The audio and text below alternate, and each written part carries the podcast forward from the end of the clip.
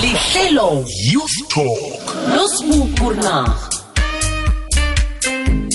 ngokutsho njalo siyakulotshisa siyakwamukela kuphi nakuphi lapho ukhona mlaleli wekwekwezi fm mbala lihlelo youth talk.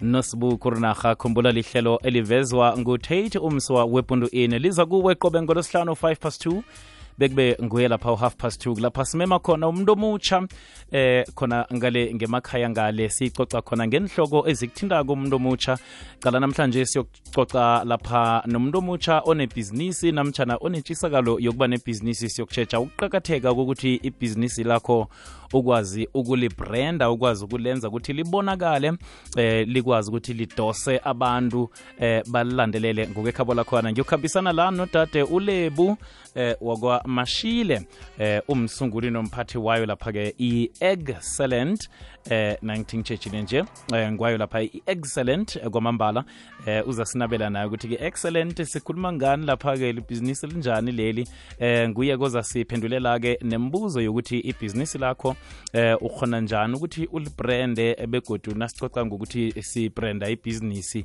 Eh namtshana iyini i-branding? Nalapho uza khona ukuthi asiphendule. Asimamukele siyakwamukela nawe mlaleli wekwekwez f m. Nayikhibe kunelwazi oluhlogako malungana nokuthi ibhizinisi lakho likwazi ukukhangiseka ibhizinisi lakho likwazi ukuthi liphazime libonakale. Eh abantu badoseke bakwazi ukuzakile ukuthi i-branding idlala indima eqakatheke kangangani. Kanti nawe nombuzo uzokhona ukuthi usidosele umtato namtshana usithumele i-whatsapp voice note. I-whatsapp voice note ku-079 413 2172 079 413 2172 kanti-ke emoyeni sicocisana nawe ku-086 3278 086 0003278 lebu siyakwamukela siyakulotshisa ehlelweni i-youth talk ngolosihlanu Lothani Pernaha ngilothisa kuwe abavezi behlelo. Ngilothisa ikhulu nakubalalela bakhona ekhaya. Abantu abatsha abasebhizinisini nalaba abafuna ukungena bathome ibhizinisi. Ngibawa ukulothisa eh kuwoke nje umuntu olalele. Ngiyathokoza kakhulu for ithuba. And then ngicela ukulungisa igama lami. Lebo Mashego. ngingulebogang Oh. mashigo oh mashiro eh uzongihanga ubaba mina ngifike ekhaya. Sisengiwakamashile na? Ya ngiyabona ukuthi lapha eh, umvezi uchafile lapha Mm, yeah. kodwa-ke hayi nokho siyathokoza sincancabeze. Eyi ubaba angasibethi ngisibebhe ngapho. Eh asithi umntwana akhe Akunankinga. sengowamashilini lebu mashiro nokho siyathokoza bese- ngiyabomashego kwamambala siyakwamukela begodu siyathokoza ukuthi usiboleke isikhathi sakho eh kungolosihlanu nje sizokucoca ngitsho. Ngiyabonga bhuti asithome-ke ngokuhlathulela umlaleli bona nasikhuluma nge-branding sikhuluma ngani begodu iqakatheke kangangani? I-branding yabona namhlanje ngize nga- ngafuna nami ukuthi ngilungise igama lami because i-branding ibalulekile ngokuthi mm. Isenza ukuthi sazakale noma sikwazi to be identified. Mhm. eh nasikhuluma nge-branding sikhuluma nge-process leya abosomabhizinisi si- sithatha igadango lokuthi sifuna ukumaketha ibhizinisi lethu bese sihluke kwabanye abantu. Because ngaba khona intense ngisikwenza i-example ngamanzi wonke umuntu ophilayo emhlabeni unesidingo sokuthi asele amanzi and ku- kubalulekile kuyi-right yethu sonke mara amanzi abe yibhizinisi lokha nawa nase thatha amanzi uh, aprocessiwa bese afakwa kumabhodlelana weplastiki noma emabhodleleni aphukako la bawabiza khona ukuthi ngamanzi ahloliweko. Mm. and then mase wahloliwe ahleli laphani ukuze ukuthi sikhone ukwazi ukuthi lawa ngewe-company ethize noma lawa enziwe ebhizinisini lakakurnaga noma lawa ngwakanebuhas noma lawa ngwakabani Mm. kuba nama-stickers aberegiswako ekutheni sikwazi uku-identifya Mm. so Mm. i-branding ikhuluma kungaba yi-sign kungaba ligama kungaba bubuso bomuntu Mhm. kungaba indlela oyiberegisako ekutheni i- i- ithini product noma i-service yakho oyithengisela abathengi bakwazi ukukwazi ngayo bahlukanise mm, mm. ngayo yi-branding leyo ibaluleke khulu Mm. because iyenze ekutheni abantu labo ovamise ukhulume nabo when you are marketing i-business i-marketing ne-branding asikhona ukuthi singazidivosa because ziba ama-topic kuhle kuhle akuhamba amabili athadile na Lebogang? uthengisa ibhizinisi Mhm. u- u- u- ukhuluma nama-potential buyers or ama-clients eyi u- ubatshela nge-product noma i-service ophana ngayo Mm. that you are selling you are marketing nasebeza ba-responda to the marketing. Bafanele bakwazi ukuthola noma bakuhlukanise kwabanye nakube bakhona abayi-competition. Mm. i-branding ibaluleke njani? Ekutheni ukwazi ukubonakala abantu bakwazi ukukwazi. Eyi. kungabi ne-mistake yokuthi mina njengoleb ngiproduce amaqanda akhona ama-producers amanye. Mm. mara ukuze ukuthi abantu bakwazi ukuthola yami i-product ekungeyami kune-branding ethize esiyiberegisako esazakala ngayo. Nala sikhona nabantu mabalibona ithwayo lelo bayazi ukuthi sikhona endaweni.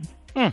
izwakele eh lebogang ngiba ukuthi ungibambele njalo sidlulise intolo nasibuya ngale ngentolo ke siyokucala-ke ukuthi ibhizinisi lameli mhlawumunye ngilithoma nini ukulibrenda eh ngemva kwesikhathi mhlawumunye esingangani eh kokuthi sele ngilithomile namtshana ngilihloma eh ngilisungula. Eh ngiba ukuthi ungibambele njalo sidlulise intolo siza kubuya siraga ngetsho izwakele siyakwamukela mlaleli wekwekwezi fm ku-079 413 nakhibe unombuzo kuye lapha ulebohanga mashiro eh malungana nendaba zokuthi ukwazi ukubrenda ibhizinisi yakho ngendlela efaneleko eh likwazi ukuthi lithuthuke lichinge phambili.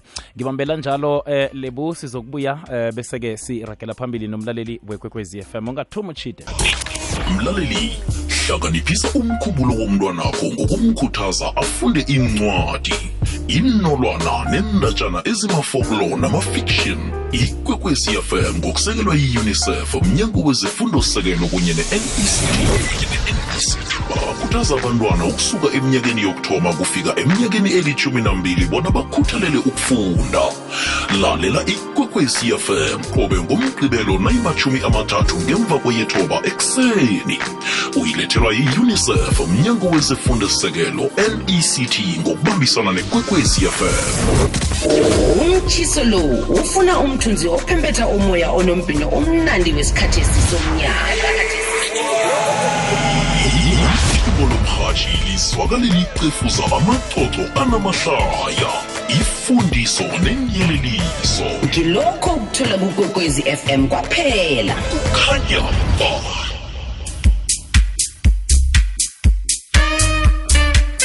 siragela phambili lichumi nemthathu imzuzu ngemva kwesimbi yesibili 13 past 2 le ikwekwezi fm lihlelo youth talk. Nosibu kurinarha ngikhamba nolebogang mashego eh uvela kwa-excellent usipha ilwazi lapha ngokubrenda ibhizinisi yakho kuyenza ibhizinisi lakho libonakale eh emphakathini begodu likwazi ukuthi lenze lento oyihlosako wena eh ukuthi mhlawumnye ngilibrenda njani eh, ngithomaphi njalo njalo eh ubekade asasihlathulela siyakwamukela nakhibe unombuzo mlaleli ku-079 413 sithumela i-whatsapp voice note 079 413 sikhona emoyeni ku-086 000 3278 lebogang ngiyathokoza ukuthi usibambele ngiyathokoza kornarha kwamambala asikhambe-ke siyokucala ukuthi kufanele mhlawumunye eh ngilibrande ngemva kwesikhathi esingangani ibhizinisi lami ngemva ngemva kokulihloma? Asikho isikhathi engingasinikeza umlaleli noma usomabhizinisi okhona ngale ngekhaya. Mara into ebalulekile Mm. ngingathi kuya nangamandla wami or wakho njengosomabhizinisi ukuthi usesigabeni siphi Mm. na usathomako i-brand yakho khulu Mm. iyobereka ngokuthi a- abantu bakhuluma njani ngebhizinisi lakho what we call i-business reputation Mm. Aw- angeke ngi-advise umlaleli ukuthi akhambe ayothoma ngokuthenga amagazebo abe nabomabhena nakho konke lokho. Mm, kufanele mm. ngamathulusi aberegako lawo. Mara i-reputation i-branding or yi-part ye-branding ebaluleke khulu. Lapha nabathe aba mhlambe ngingumuntu obhagako and uh, ngiyakusevisa namhlanje uyeza uthatha isevisi Mm. ngitele ngidilize lokhu okubawileko nalokhu engikubonise kona ngakheha ngabo ukuthi ngikwazi ukukwenza njengosomabhizinisi Mm. bese abantu bazokhona ukuhamba bayokhuluma kuhle ngebhizinisi lami noma bakurekhomenda kwabanye abantu so as business owner khulukhulu na usathoma u- uyorilaya khulu ku-reputation noma i-word of mouth. Nakho lokho kuyindlela of branding. I-reputation the way wazakala ngakhona ngemphakathini Mhm. noma abantu aba- abasebenzisa ibhizinisi lakho. Bese eh nawuloko ukhula kungenzeka ungazinikeza i-target ye-three months ukuthi nge-three months mdeleko sesikhonile ukuthenga ibhena eyi-one oyi-pull up bhena mhlawumbe ehlala ngaphandle la ibhizinisi likhambisela khona. Mara khulukhulu thina abanye bethu sesikwazi nokusebenzisa ama-platforms afana nabo-social media Mm, la mm. ungadini khona ukuthi ungaba ne-budget kazekulu eqale indaba ye-branding ne-marketing Mm. ungasebenzisa i-platform lakho le-social media uthengise ibhizinisi lakho wakhe i-brand ngoba Mm. i-brand kuhle kuhle kodwa i- iya nangokuthi abantu ba- bakwazi njani noma baresponda njani. Mm, kungendlela mm, abantu mm. bakwazi ngakhona. You build i-brand ngendlela enjalo. So usomabhizinisi osakhasako noma usesephasi Mm, ngingam-advisa ukuthi angazifaki ngaphasi kwe-pressure khulu yokuthi thola woke abantu ba- banezinto eziphathekayo ezifana namabhena nakho konke Mm. mara i-service i-customer relations yakhe ayisise-standardini then umuntu uzogcina give up abona ngathi ibhizinisi ali- alibereki mm, kanti mm. la umdela uthome khona o- kula i-reputation uyakha khona. Sevisa abantu basevise kuhle bese bakhambe bakhulume kuhle bakutholela amanye ama-customers. Wakha i-brand njalo. Hmm. and kodwa into lengifuna uku- ukuthi aba- abosomabhizinisi siyilemuke Mm, mm, awukwazi ukuzidivosa khulu kubhizinisi lakho. Mm. Urana ibhizinisi impela uqale kodwa ukuthi wena njengomuntu uziveza njani noma uziphethe njani ngaphambi kwabantu. Because nakho lokho kusekela i-brand yebhizinisi lakho abantu abathengi khulu i-product kodwa bathenga umuntu ongaphambili noma oba ngubuso be-product. Hmm. so kubalulekile ukuthi mina as a business owner before uyo-investa ku-material yobranda Eh. uqale wena uqale isimilo sakho uqale wena ukuthi ngubani uziphethe njani uziveza njani abantu bakwazi njani ngoba i-brand ifanele ithenjwe ifanele ithembakale Hmm. manje kuzo- kuzoya ngokuthi ngumuntu onjani esim-associate ne-brand nakho umphakathi ungazi ngingumuntu ongakathembakalanga akubi lula ukuthi ngiyakhe i-brand then abantu bafuna ukungithemba Mm, mm, mm. izwakele ngiba wasithathe umlaleli wekwekwezi fm 079 eh sikhona nalapha emoyeni ku-086 3278 ngiyathokoza ngiyamuza olebogang ukhuluma kamnandi khulu uma kuleli hlelo mm. ya i-business branding mhlawumbe ngakhe ngithome lapha ekuthini kukhambelana khulukhulu nebizo namkha igama Mm. Nokuzikhangisa ngendlela uzikhangisa ngayo ebantwini.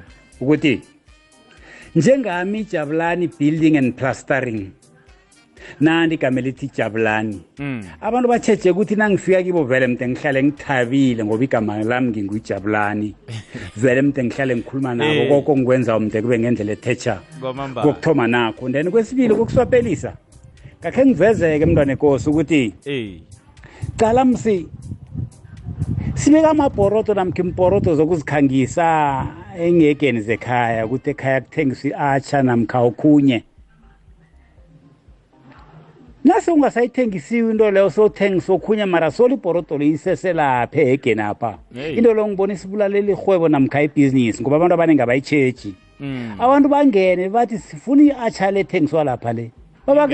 Nabathi mehle suke i-atsha la yikho sekuthengiswa inkazinga zehotshi manje kwangasinga chumayela ivangeli leli silichumayelayo sililandele sikwenze lokho nasikhuluma ngento siyikhangisa siyenze vele and ngesikhathi nayingekho singasabi ukutshela abathengi ukuthi into esiyithengisayo siyikhangise hegeni leya namhlanje iphelile. Ngiyathokoza ngijabu mahlangu sithokoze jabu mahlangu. Eh lebogang unomfakela eh ekulumeni kababa ujabu mahlangu.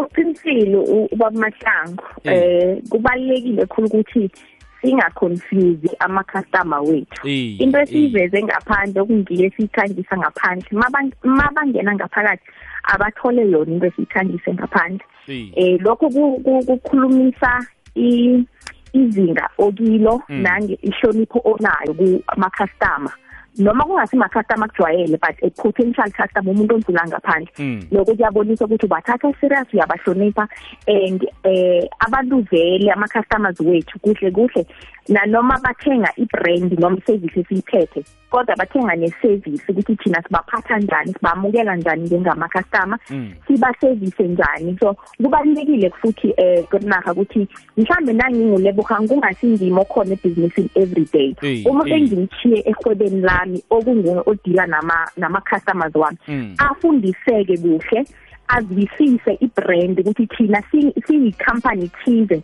si ama-principles wethu yini ama-values wethu kuba yini. Abantu sifuna ukubaphatha njani and nase bakhambile ebhizinisini sifuna ukuthi babe ne-memory enjani yethu. And babuye godi ngoba bathole i-service e- ehle kwamambala so kubalulekile ukuthi as a business owner masiqale indaba ze-branding si- siqale khulu ekutheni thina sibobani abantu esibaqashayo emabhizinisini wethu a- abazodila nama-customers sikhona nanoma singekho kuba lihlobo elinjani labantu bafundiseke njani nge-brand Lebogang. bazwisise ukuthi thina siyi-company noma siyi-product Mm. sifuna ama-customers wethu aphatheke njani basikhumbule ngani kwamambala eh lebogang ngiba ukuthi ngibambele njalo sisela amanzi sidlulise intolo sokubuya siragele phambili. Siyakwamukela mlaleli 079 413 sithumele iwhatsapp voice note emoyeni 086 0003278 vela emkhanyweni. Ikhona. Khona i-extra saving ye-shoprite ikunikela amandla wokonga. Swipe ikarata lakho le-extra saving eh kanye mm, akhe ngithi nenye ishoprite ehlangana kwanje nangen-12 march wonge ku-750 mil sunfoil sunflower oil 25 kg golden cloud cake flour i-25 kg white star namkha iwisa namkha inyala maize meal i-2 kg tastic rice ne-500 gram ye-mr pasta spaghetti namkha macaroni. Konke nje nge-99 ranta kwaphela i-extra savings. Ikunikela amandla wokonga eshoprite kwaphela.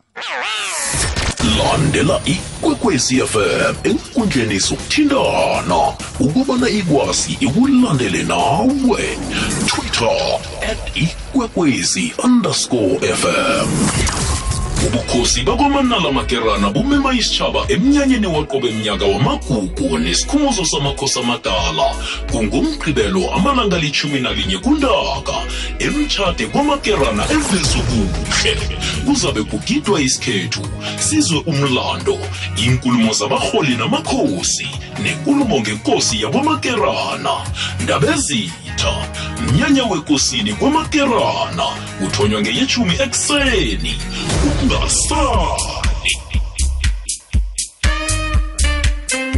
sirakela phambili 23 minutes past uh, 2 imachumi amabili mzuzu nemzembili ngemva kwesimbi yesibili. Siyokuma ngendaba ngo-half past ngaloko lokho.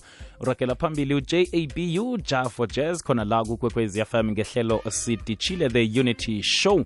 Sikhamba nolebogang mashiro ovela kwa-excellent. Sicocisana naye la nge-business branding. Bona-ke sibranda njani ibhizinisi sekatshile ukuthi iyini i-branding begodu nokuthi iqakatheke ngani. Siyakwamukela mlaleli nawunombuzo nawo ku-079 413 sikhona ku-086 3278 usidosela emoyeni. Lebogang siyathokoza ukuthi sibambele? Ngiyathokoza kwamambala ngiba wasithathe umlaleli lapha ku-whatsapp. Lotsha kurinaha ulotshisa-ko ngumalela Akwande. zakhe. Ya hayi mina ngimbamba kamnandi usesilebu uyibeke ihle khulu mambala ngiba ukubuza la kuthe enkundleni zokuthindana uyatholakala na nenge mhlawumbe uyatholakala ngiziphi la singakhona ukuthi simthole khona sibuze okhunye sifuna ukukubuza okudluleleko lokhu. Kokugcina ngiba ukhumbuza u-jbu lapho ukuthi half past two magagwa angakhohlwa kurinarha. Eh lebogang yebo baba. Kwamambala eh ngiyacabanga ukuthi vele sesichitela khona eh umlaleli lapha uba ukuthi usinikele imininingwane yakho ukuthi utholakala kuphi nakhibe nenkundleni zokuthintana eh uyatholakala nakhona usiphe amagama akho. Eh inamba yami ngekhe ngithi emhathweni mara ke abalaleli bangangilandela ku-twitter. Ngitholakala ku-at i am lebu underscore ulebu wami uno-o wegcineni Mm. i am lebu underscore ku-twitter. Bese ku-facebook bangithola kulebu mashihu ulebu ka-l e b o mashihu ka-i m a s h i g o. Mhm. Um ngiyatholakala ku-linkedin as ulebogang mashego of excellent by lebo. Ngomambala. Bangangithola lapho. And yeah so kwanje kunaka kukhona la ngitholakala khona. Iya iya uyatholakala khona sewutshwile. Eh inomboro siyazi nokho ukuthi hey. Eh. ngaphandle kokuthi iya ngaphambi kokuthi mhlambe ke siyoyivala. Eh kuhle kuhle nginombuzo lapha esikhulukhulu vele uphathelene nayo le ndaba le ye-branding. Njengomuntu mhlawumnye omutsha sithi uyathoma njenganje ukuvula ibhizinisi ufuna ukuplaga lapha ukuthi hey kurinarha pty ltd njalo njalo bese uyayiphakamisa ayenze ibe yihle. Wenzani igadango nje lokuthoma osela nebhizinisi ngalesi sikhathi ofuna ukuyithatha lento ye-branding? Ngomba nokuzwile ukuthi kuqakathekile ukubranda eh begodwa kuqakatheke ngani. Aloke nje igadango lokuthoma ngimuntu omutsha kufanele ngisuke ngichinge kubobani abangakhona ukuthi bangisiza okay. Umuntu omuthi mpele a-check-e khulu ukuthi umhlobo webhizinisi noma iservice aka- aka- akayithengisako iyini? Kungenzeka ukuthi mina ngingumuntu obhagako umuntu o- onebhizinisi lo- loku- lokwe- lokuluka inhlutho lokwenza ingcwele advertise ngendlela efanako. Ne-market yethu asi- ayifani and asicommunicate nayo ngendlela efanako. Ngomntela uqala ukuthi ibhizinisi lakho lingumhlobo onjani lebhizinisi nokuthi i- i-market yakho i-target market yakho ngubani and ukhuluma nayo njani? Kune-market ofanele ukuthi awubranda ukhulume nayo mhlambe um nge-business card ukhulume nabo nge-social media Mm. noma ukhulume nabo ngoku- ngokubhala ibhodi libe khona noma wenze nama-flyer. But ah, azifani indlela leso. Kubalulekile ukuthi umuntu omutsha nakathoma ibhizinisi azwisise ukuthi wakhe umhlobo webhizinisi u- i-customer lakhe lingubani and i-customer lakhe litholakala kuphi and lifuna ukuthi akhulume nalo njani. Eh kubalulekile ukuthi e- e-some states zebhizinisi ube nalo i-business card because sizithola kuma-meetings asinetworka khona sifanele sishiye et. Zethu sibalulekile kodwa ukuthi ube mhlambe ne-fly nama-flyer ama-banner eh ube nabo nabo baphula banner because sithola kuma event kwesinye isikhathi sifuna ukukhangisa ibhizinisi lethu. And nase u- u- usestandardini esifana naleso sokuthi mhlawumbe negazini aba- abantu bakhona ukukuthola ngendlela ezinjalo.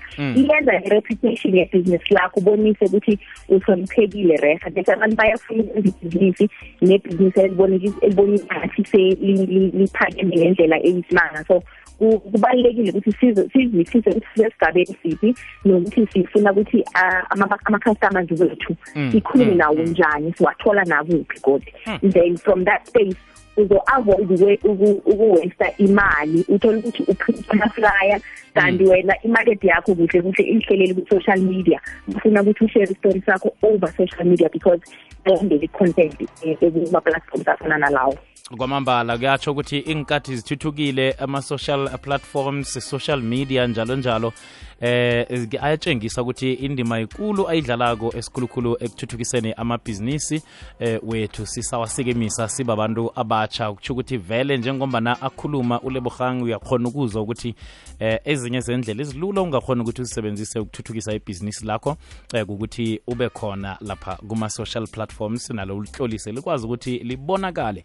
Lebogang sithokoze khulu kwamambala isikhathi osiboleke sona ku-youth talk. Nawe sikufisela ichudu ukuya phambili ngakwelakho ihlangothi ebhizinisini angitsho kurinahe ngiyathokoza mani ngibawa ukundlulisa umlayezo o- omunye nje oha- ohabileko Unga- wasempumalanga. Mm. ubawe abantu abatsha abaqualifya ekutheni bathole ifundi yakwa yakhe upremier ofisini yakapremier Mm. beyivalwa nge-twenty-four zakafebruwari mara uhle- uhlehlisile ekutheni abantu abatsha bachubeke ba-aplaye kuzovalwa nge-seventeen zakamatshi Mm. ubawe abantu abatsha babo baboma nabantu abatsha aba abaphila nokukhubazeka ukuthi nabo ba-aplaye bangasabi so ngithanda ukubakhuthaza abantu abatsha ukuthi Mm. asiqaleni amathuba akhona ekutheni sithuthukise amabhizinisi wethu kumahala ha uku-aplya and abaye lapha ku-social media baye naku-google bathole i-information. Ngiyathokoza khulu kwamambala izwakele sithokozile. Eh ngiyacabanga ukuthi umlaleli vele sebele ayibambile. Siyathokozana kuwe mlaleli ngokusiboleka indlebe nokuba nomfakela ehlelweni lethu. Lanamhlanje siyekumeni lendaba ngale kwelokho uragela phambili u-jap lihlelo elivezwa ngutate webundu in mina ngingusibu kurinaha nasiya yikurinaha kube ngulosihlanu omnandi